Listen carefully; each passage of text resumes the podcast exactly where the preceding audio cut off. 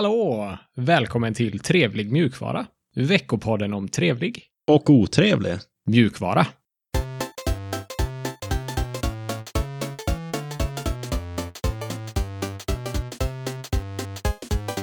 Mitt namn är Sebastian och med mig har jag Alex på andra änden. Tjena, tjena! Tjena! Vi är här denna veckan också. Det är ju bra uppslutning här, tycker jag. Ja, det är det. Verkligen. 100 procent. Har du hittat på något skoj i veckan? Nej, ja, jag har programmerat en massa i- på Okej. mitt eh, Rust-äventyr. Så det har ju varit kul. Ja, det låter roligt. Vi ska snacka lite om Rust idag, faktiskt. Just det. Vad mer ska vi prata om den här veckan då? Vi börjar med en nyhet om Open Web Docs. Sen kommer vi snacka i kort och gott segmentet om Rust, Firefox, CD Projekt Red, lite Twitter-aktiga saker och Torvalds gör ett besök också. Ah, han har jag saknat. Ja, har vi inte alla gjort det? Sen är det otrevligheter och trevligheter och lite utmaningssnack efter det. Mm, men eh, först nyheter.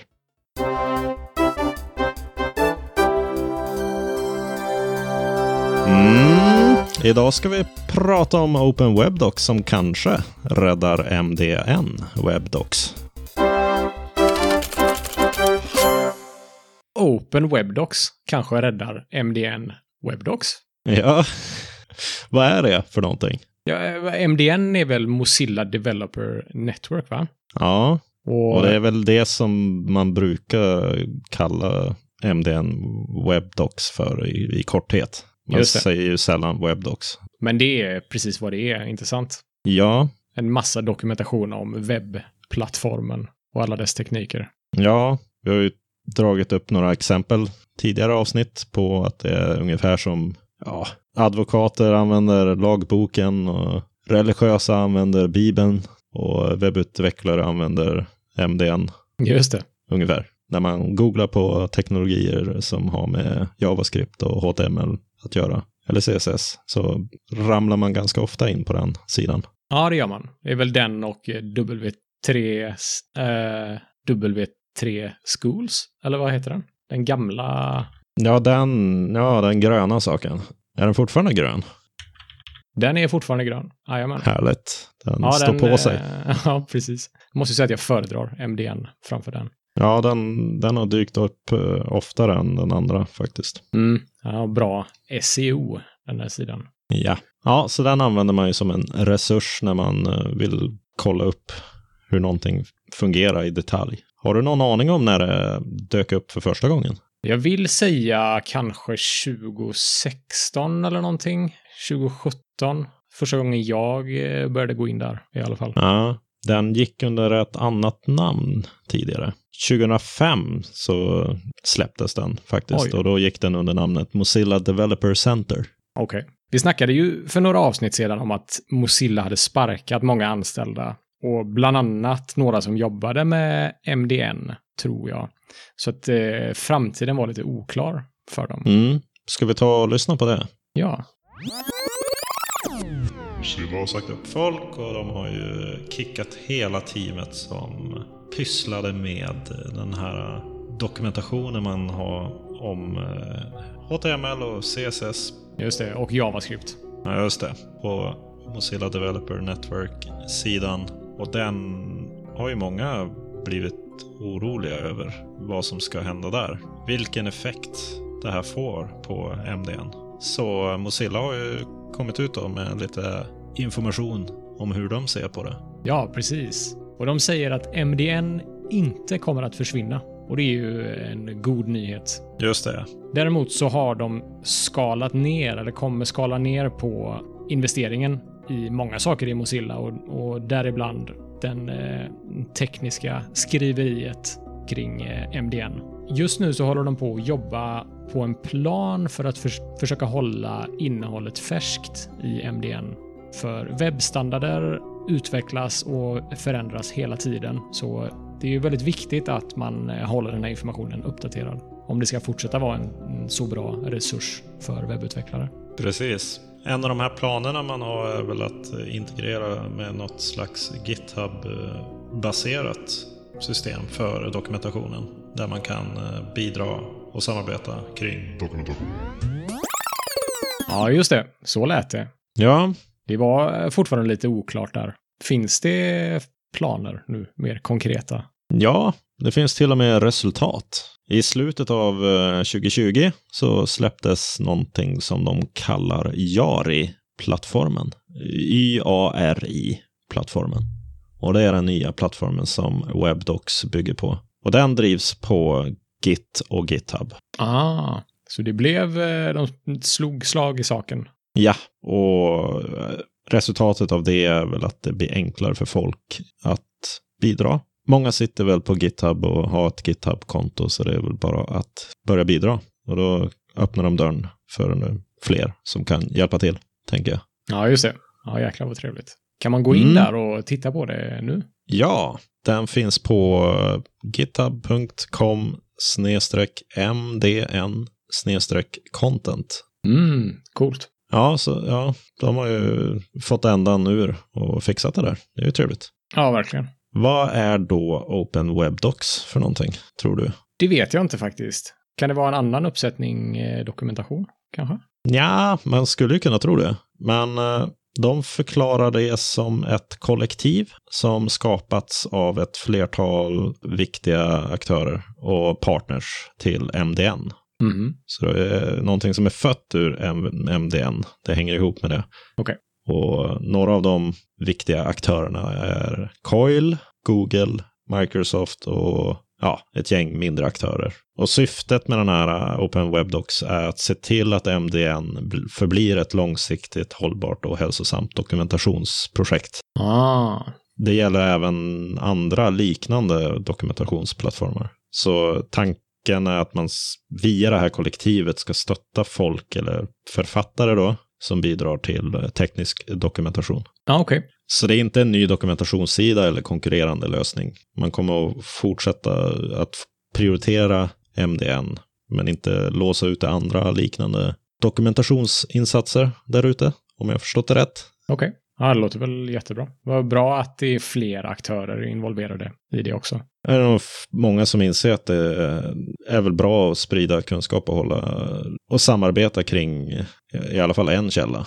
Just det. Det är ju ändå dokumentation som gäller standard. Ja, men precis. Ja, det är ju viktigt att det inte står två olika saker på två olika ställen. Nej, precis. Och då känns det som att de stora aktörerna ja, hjälper till och drar, drar sitt lass. Hjälper till att finansiera också. Mm. Så det är trevligt. Får vi, kan vi nog lugna oss lite med domedagshatten. Eller vad kallar man det? ja, domedagshatten. Ja. Med eh, Mozillas eh, domedagshatt. Ja, eller åtminstone MDNs eh, undergång eh, är inte så nära Nej, just det. förestående känns det som. Nej, det känns ju som att de har kommit fram till något eh, jättebra. Ja, en liten eh, ja, applåd kanske.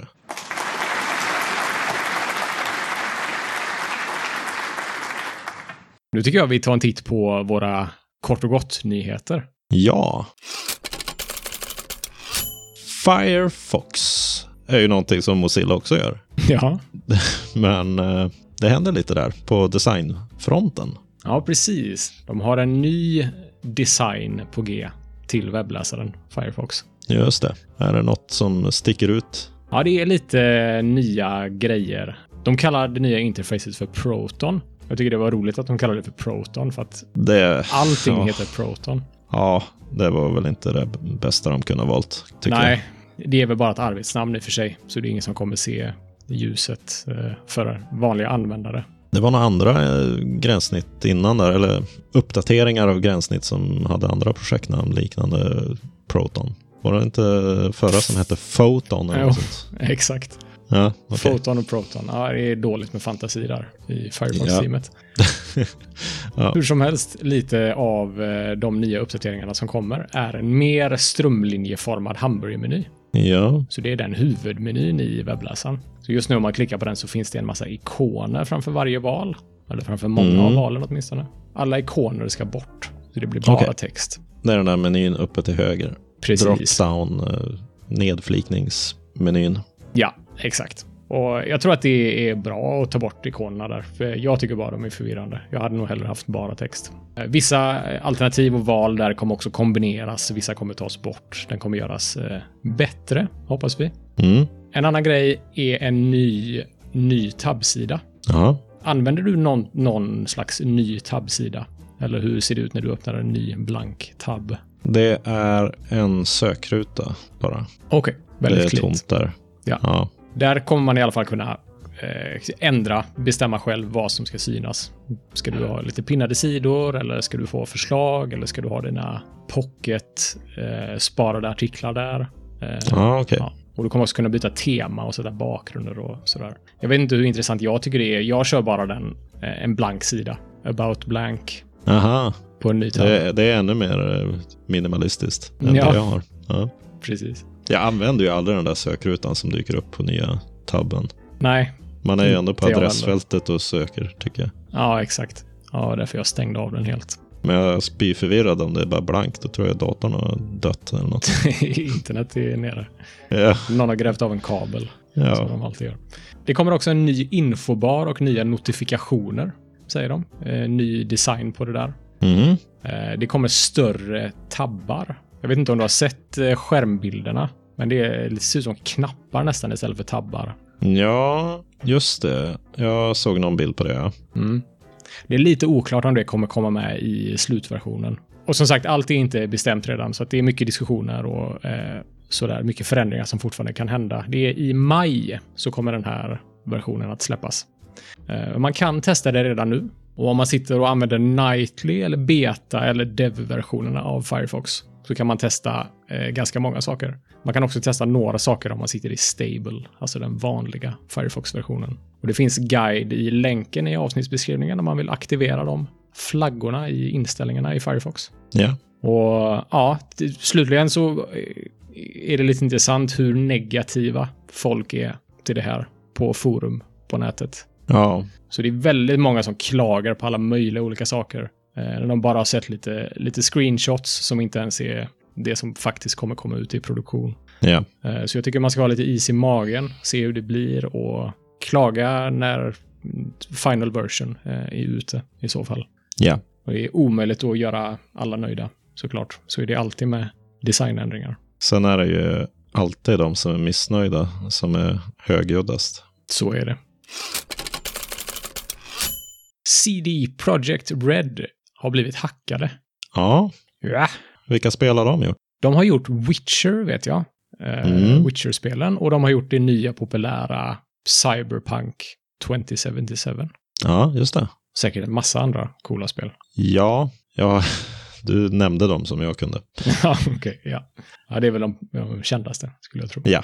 Den 9 februari så annonserade de via Twitter att de hade blivit hackade. Och någon eller några har tagit sig in i deras interna nätverk, samlat på sig lite data och lämnat ett lösenbrev. Ah. Och i brevet så står det Ni har blivit episkt ägda. Vi har dumpat hela kopior av Cyberpunk 2077. Det är så man uttalar det va? Jajamän. Witcher 3, Gwent och en osläppt version av Witcher 3 från er Perforce-server. Vi har krypterat alla diskar. Betala oss, annars läcker vi källkoden. Ja, vad hemskt. Jag, jag ser framför mig ett sånt eh, när de har klippt ut bokstäver ur en tidning och klistrat på Eh, ett papper. eh, CD Projekt Red delade en bild på det där brevet och det var i en notepad. Hade de Okej. lämnat det där. Systemen som blev utsatta för hacket eh, innehöll inga personliga uppgifter om deras kunder, gick de ut med och sa. Okej. De bad sina tidigare anställda att uppdatera sina lösenord dock. Mm. För det var uppgifter om de anställda som hade läckt. Eh, Det Just det. låter som det. Okej, men de har inte betalat eh, några lösensummor. Nej. Nej. utan de har bara gått ut med att det har hänt och att det inte var så allvarligt för de hade backuper. Okej. Det som jag tyckte var lite intressant är den här Perforce-servern som de använder. Det är inte Git eller något så. Jaha, är det en versionshanteringsteknologi? Ja, Har jag aldrig hört talas om. det är någon slags helhetslösning för versionshantering och planering och kodanalys och lite sånt. Jaha. Lite intressanta insikter vad de använder. Rust Foundation. Är det något som har hänt med den? Vi pratade väl om den för ganska länge sedan. Ja, det var ganska länge sedan nu. Det var väl i samma veva som eh, MDN-dramatiken hände också. Ja, precis. Så att eh, Rust är ju eh, ett projekt som kommer från Mozilla från början. Ja. Och den blev ju också negativt påverkad av eh, att de sparkade en massa folk där då. De, de gör en del saker de där, Mozilla. Ja, de har precis finger med i spelet på många olika eh, intressanta projekt faktiskt. Ja. Så nu den 8 februari så släppte de information om att det har skapats en Rust Foundation som Mozilla tillsammans med Rust-gemenskapen eller Rust-styret eh, Mm. har startat. Just det. Och Rust är ju, som man kanske vet, eh, ett Mozilla-projekt från början. Eh, Och det är ett programmeringsspråk som är inriktat på säkerhet, eller minnessäkerhet, snabbhet och concurrency. Så presenterar de språket själva. Just det. Eh, Och det är också röstat till en, eller till det mest älskade programmeringsspråket på Stack Overflow. Fem år i rad faktiskt. Och det har vi också snackat om i podden tidigare. Ja, vi tog upp det i nyårsspecialen. Just det, just det. Och ett exempel på hur Mozilla har använt Rust är att de byggde om CSS-motorn i Firefox med Rust. Och den gick från 160 000 rader C++-kod till 85 000 rader Rust. Okej. Och eh, det låter ju imponerande, tycker jag. Jag vet också att backenden i den appen som du håller på att jobba på är skriven i Rust. Ja, det stämmer. Så du, eh, du är där och testar och eh, jobbar lite med Rust. Det är roligt. Ja, jag, jag gillar det. De har nu eh, i alla fall växt ur eh, Mozilla, kan man väl säga. Så de behöver sitt eget styre eh, och sin egen foundation då. De säger att nuvarande gemenskap och teknikstyre kommer att finnas kvar. Och att den här stiftelsens jobb är att hosta infrastrukturen för Rust. Så där har de ju lite hemsidor och eh, deras community och är det crates.io som deras eh, paketsajt, pakethanterare heter? Ja, precis. Eh, Stiftelsen kommer också bistå gemenskapen och vara, de säger att de kommer vara som en fåraherde för språket eh, in i framtiden. Okej. Mozilla tillsammans med några andra storföretag är Platinum Sponsors och styrelsen eh, består av fem personer ifrån AWS, så Amazon Web Services, Huawei, Google, Microsoft och Mozilla. Ja, Så det är fem, fem personer därifrån och det är två personer från Rusts core team och tre personer från andra teams i Rust-projektet. okej. Så det är en 50-50 split mellan eh, folk i Rust-teamet och eh, från de här storföretagen. Då.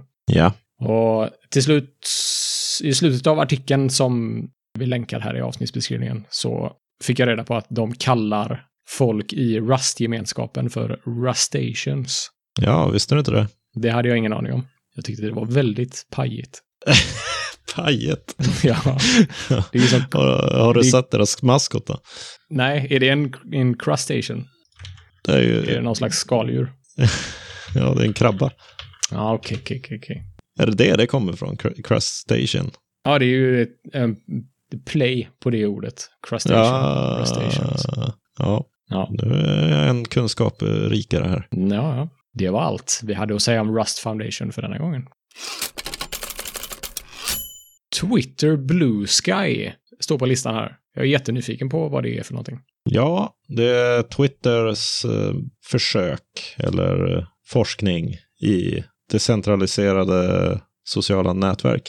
Aha. Så de vill gå bortom sitt centraliserade sociala nätverk, Twitter, och hitta på något nytt. Han, eh, Jack Dorsey, är ju någon du känner till, va?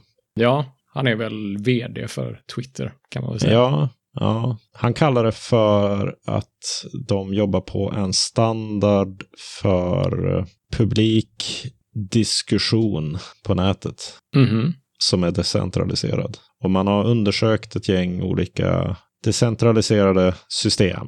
Och man har bland annat tittat på ActivityPub, man har kollat på XMPP, man har eh, kollat på Google Talk, Ja. och man har kollat på Solid, den här eh, Tim Berners-Lee-projektet. Just det. Ja, ActivityWeb känner vi igen ifrån Mastodon, använder ju sig av det. Och XMPP använder väl sig WhatsApp av och massa andra tjänster för den delen. Mm. Men de ska alltså hitta på något annat.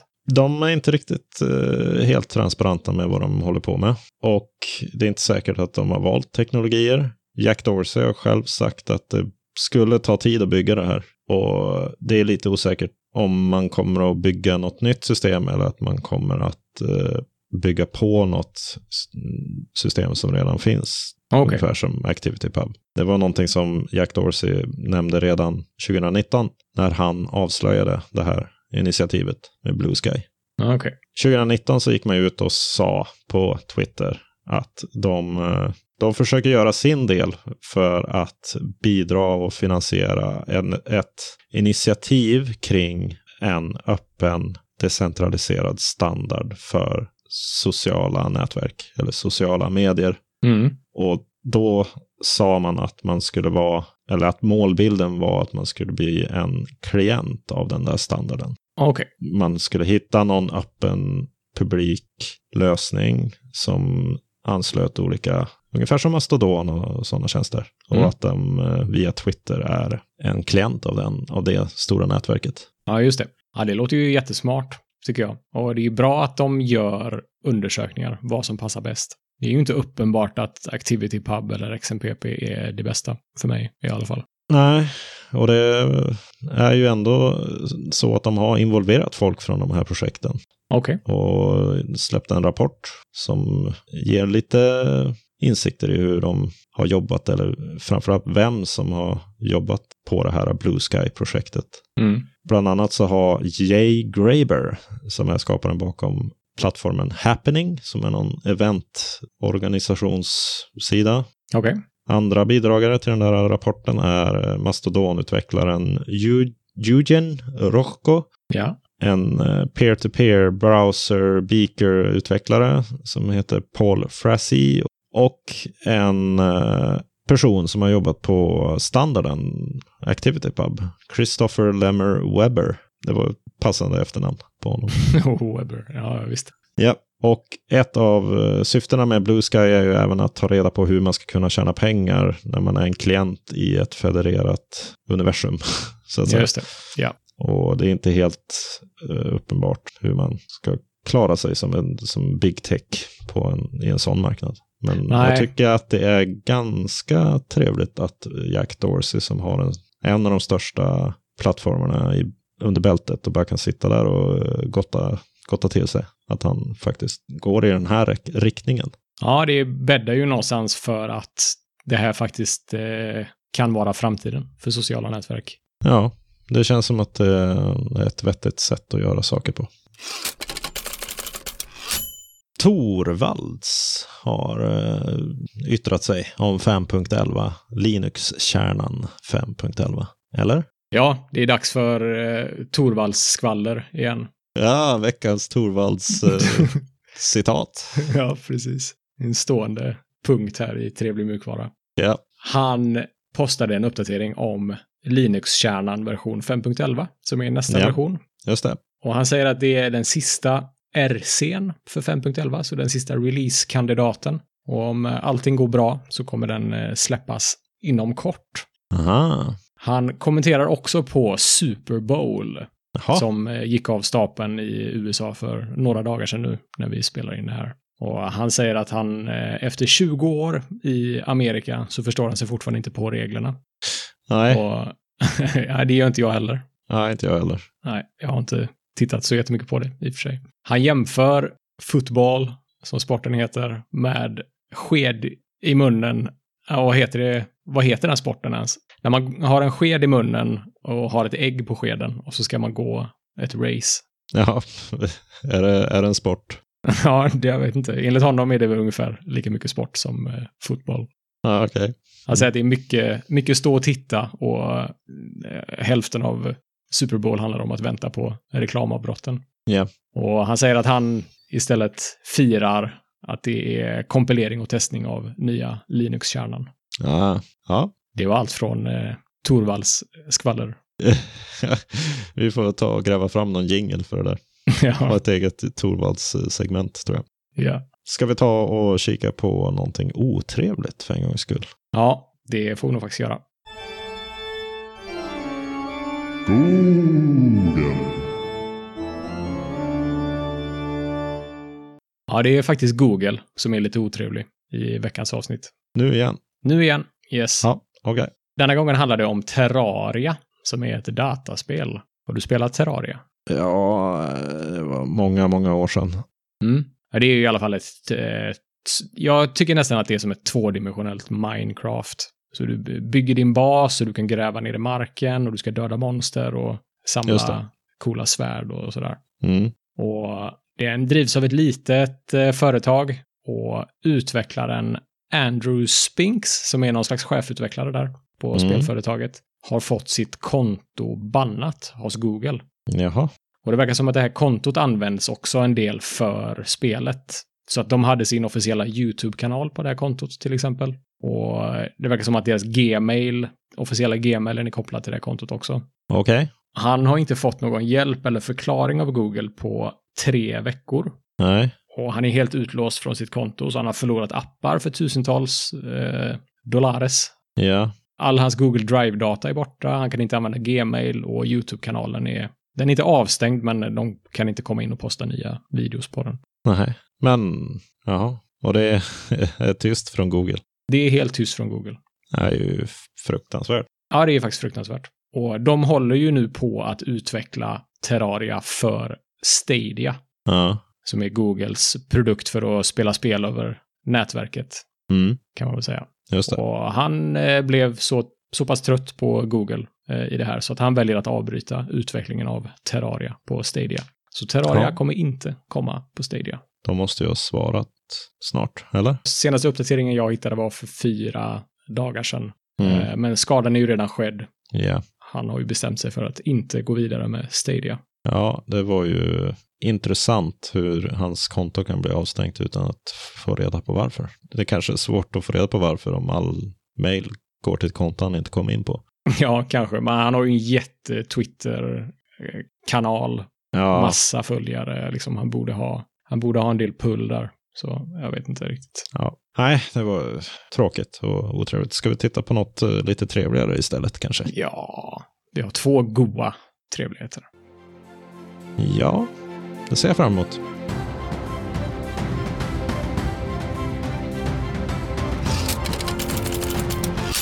Hemliga funktioner i Firefox. Yes.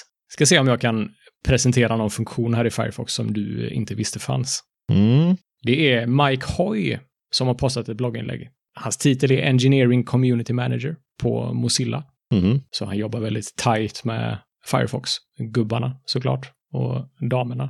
Just det. Han frågade sina kollegor och eh, lite annat folk i hans sfär vilka dolda eller ouppskattade funktioner som Firefox har som de använder och vill tipsa om. Och eh, så samlade han de funktionerna som han fick tips om i det här blogginlägget. Så det är ett tips att gå in och läsa blogginlägget eh, för att få alla godbitar. Ja, Okej, men eh, det är fusk om jag gör det innan eller? Ja, det är fusk. Ja, jag ska inte göra som dig och, och fuska.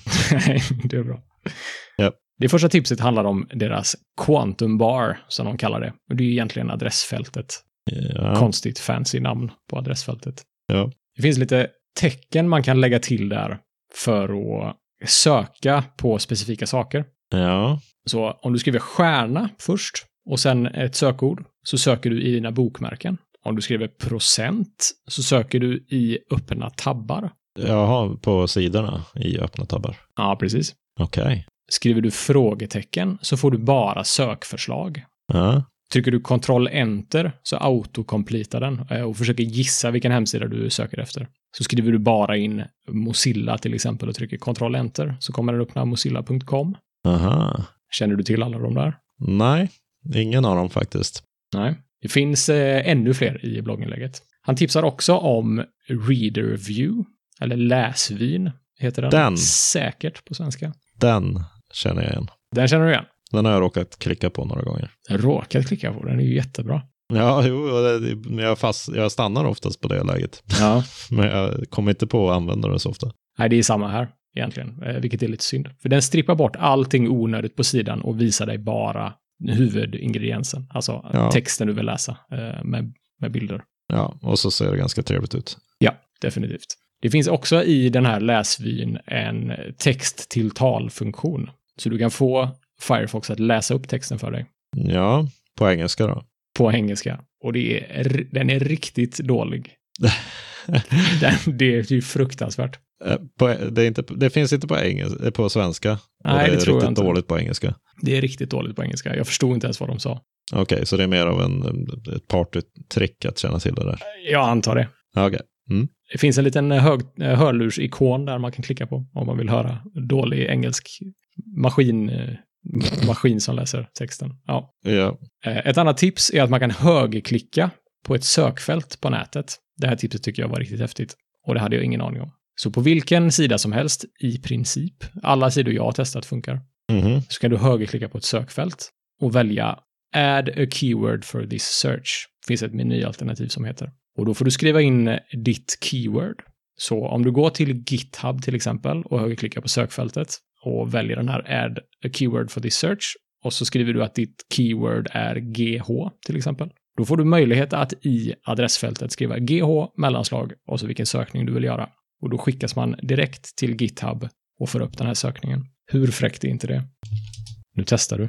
Jag hör att du klickar. Ja. ja, men det var fräckt. Det var det. Så det skulle man kunna göra på sajter man ofta söker på, helt enkelt. Lägga till egna keywords. Ja, det är fräckt. Ett annat eh, tips som man tipsar om, som jag använder väldigt ofta, är Ctrl-Shift-T, där du öppnar en stängd tab. Den använder jag hela tiden. Ja, det gör jag med. Har man råkat stänga en tab så kan man Ctrl-Shift-T, så öppnas den igen. Den tror jag Ja. många känner till. Ctrl-M är mute på en tab, om man vill. Mm. Och det sista tipset jag kommer ta upp här är också rätt fräckt tycker jag. Och det är att man kan skift eller kontrollklicka på tabbar. Testa det. Ja, det, det- kontrollklicka händer ju inte så mycket. Ja. Jaha, du menar att man kan...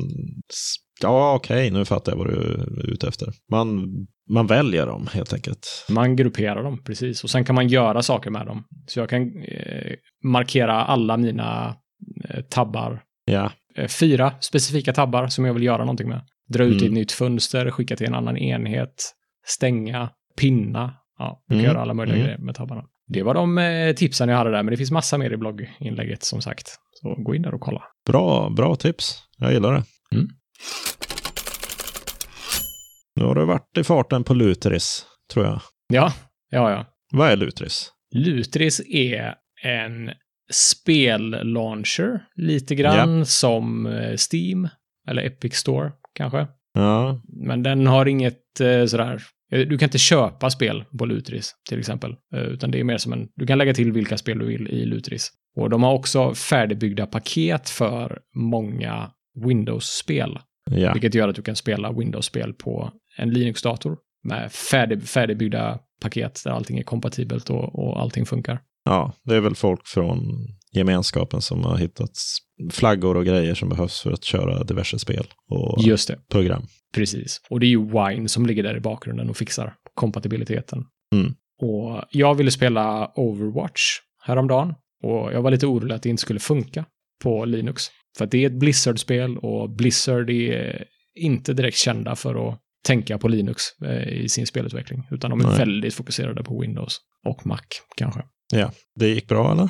Det gick bra, precis. Jag fick tips om eh, en guide på nätet som jag också är länkad i avsnittsbeskrivningen här. Och det var i princip bara att installera Battlenet på Lutris. Och sen var det två stycken konstiga esoteriska saker som behövde installeras, men det stod i guiden hur tydligt som helst. Tar Ja.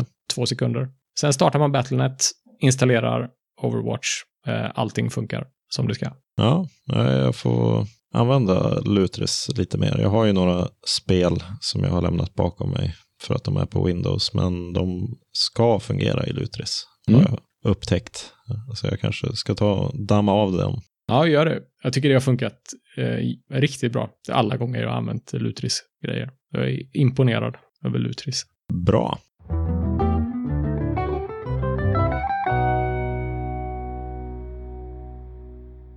Nu ska vi ta en titt på våra utmaningar. Ja. Och den första utmaningen vi ska ta en titt på är vad vi har börjat kalla för Chatgate.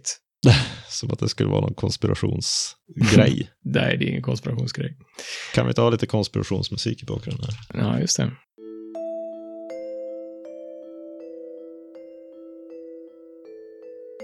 Det var en kall natt.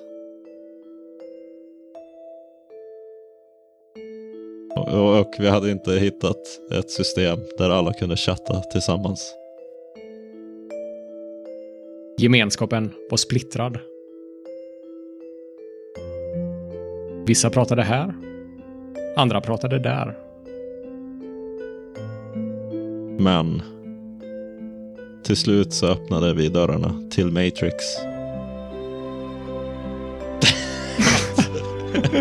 Nej, räcker det?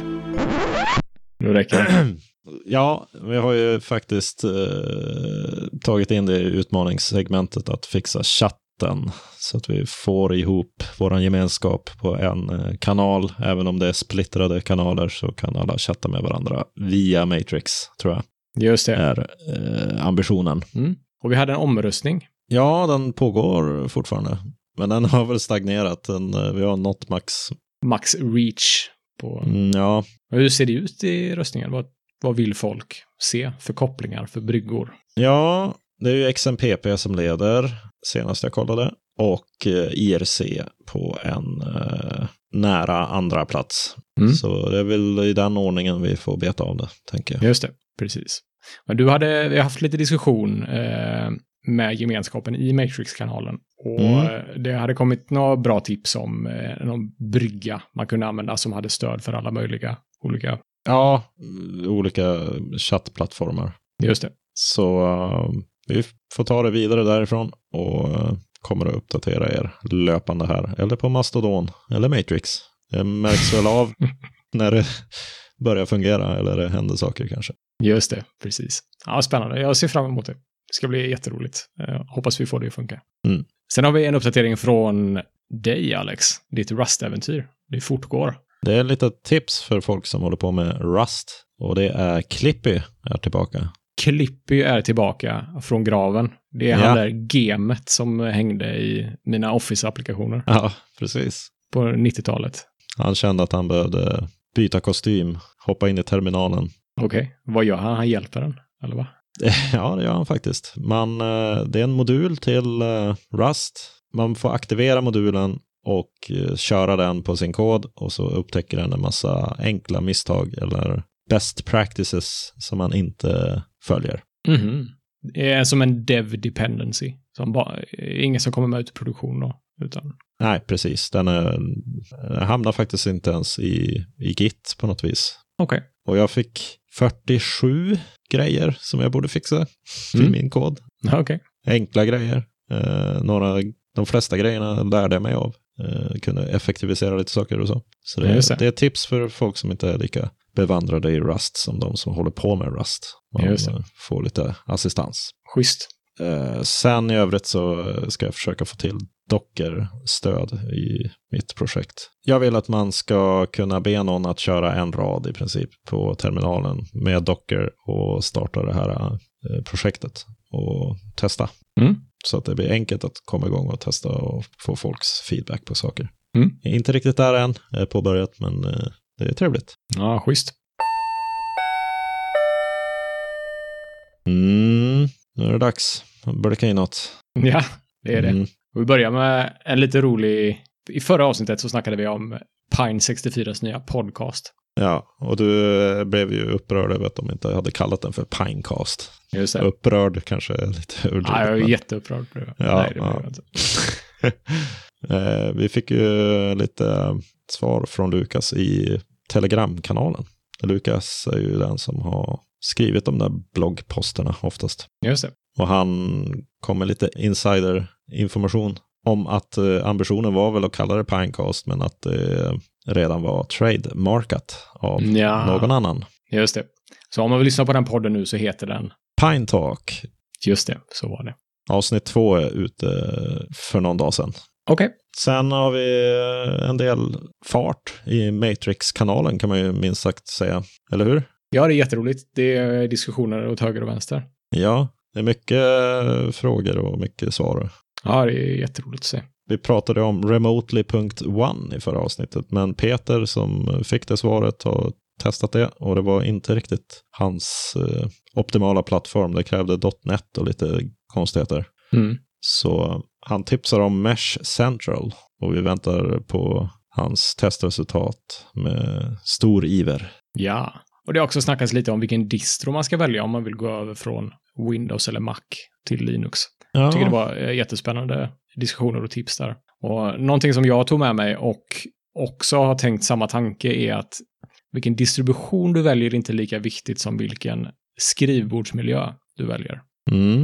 Eh, skrivbordsmiljön är det du interagerar med eh, allra mest. Och det skulle jag, jag håller helt och hållet med om att det är det som spelar mest roll. ja, om man väljer någon av de stora distributionerna så man inte hamnar i några konstiga antika distributioner eller spe- Ja, precis. speciella eh, hörn av distributionsspektrumet. Så, så länge man håller sig till någon av de stora så ordnar sig det mesta faktiskt. Just det, precis. Och det är ju lite lättare att välja skrivbordsmiljö än det är att välja distribution. Om man inte är så Ja. bekant med Linux, tycker jag. För det blir det är väldigt mycket mer ett visuellt val snarare än eh, ett tekniskt val man gör. Ja, Äh, I grova drag så tycker jag väl att man kan titta på Plasma om man vill ha det ungefär som Windows. Och man kan titta på Gnome om man vill ha något som är lite mer Mac-aktigt eller lite mer annorlunda. Det är väl de två stora man ska kika på. Mm. Så där finns det ju en herrans massa andra också. Men det kanske vi kan ta i något separat segment någon gång. Ja, det finns ju otaliga videos om vilken den bästa distributionen är och så vidare också. Så, Men eh, absolut. Bra fart i kanalerna. Kul Yes. att se i alla fall. En liten applåd kanske kan Ja, det tycker jag. till de där. äh, kan vi kosta på oss. Ja. Var det värt elen? Tror du att det drar mer el att eh, köra extra ljud här? Lite, nå- det någonstans. måste det ju ja. göra. Högtalarelementen rör ju på sig. ja, ja.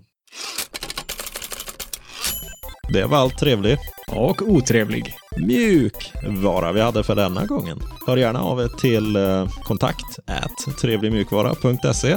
Eller besöka oss på YouTube, eller Twitter, Telegram, Mastodon, Matrix, GitHub. Eh, Eller på vår donationsplattform liberapay.com trevlig mjukvara.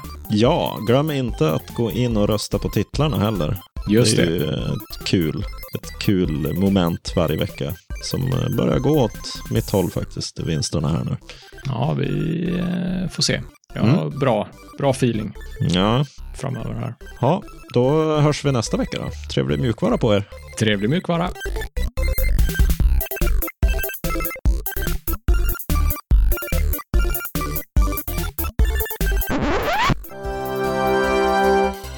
Mm. Nej, vänta. Mm. Eh, Ska vi se. Vi snackade ju för ett tag sedan om att Mozilla hade sparkat en massa anställda och att eh, potentiellt MDM... M... Ja, Vi snackade ju... okej. Nu blir det, nu blir det så här igen. Okej. Kan du sänka den här pausmusiken lite? Jag hör inte mig själv sänka.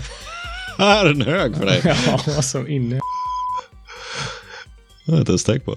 Den är knappt jag hör den. Ja, okej. Är den lägre nu då? Ja, Ja, hjälpligt. ja. Ska vi ta och kika på eh, lite kortare eh, nyheter? Äh, va, ska- Åh, så tråkigt. Kan du dra den här? ja.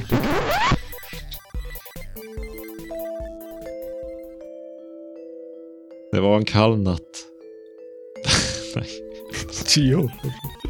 Du är asbra. Äh, Jag kräver. jag, Jag kräver. kräver det. Ja. Jag måste bara köra på början. Men eh, det är ju något som vi kanske kan ha något eget smäng. Men det är ju Smäng. något... Smäng. Det var allt trevlig. Det var allt trevlig. Ja. Nej, jag, fick, nej, jag, jag trodde inte jag skulle faila, men jag gjorde det. Okej.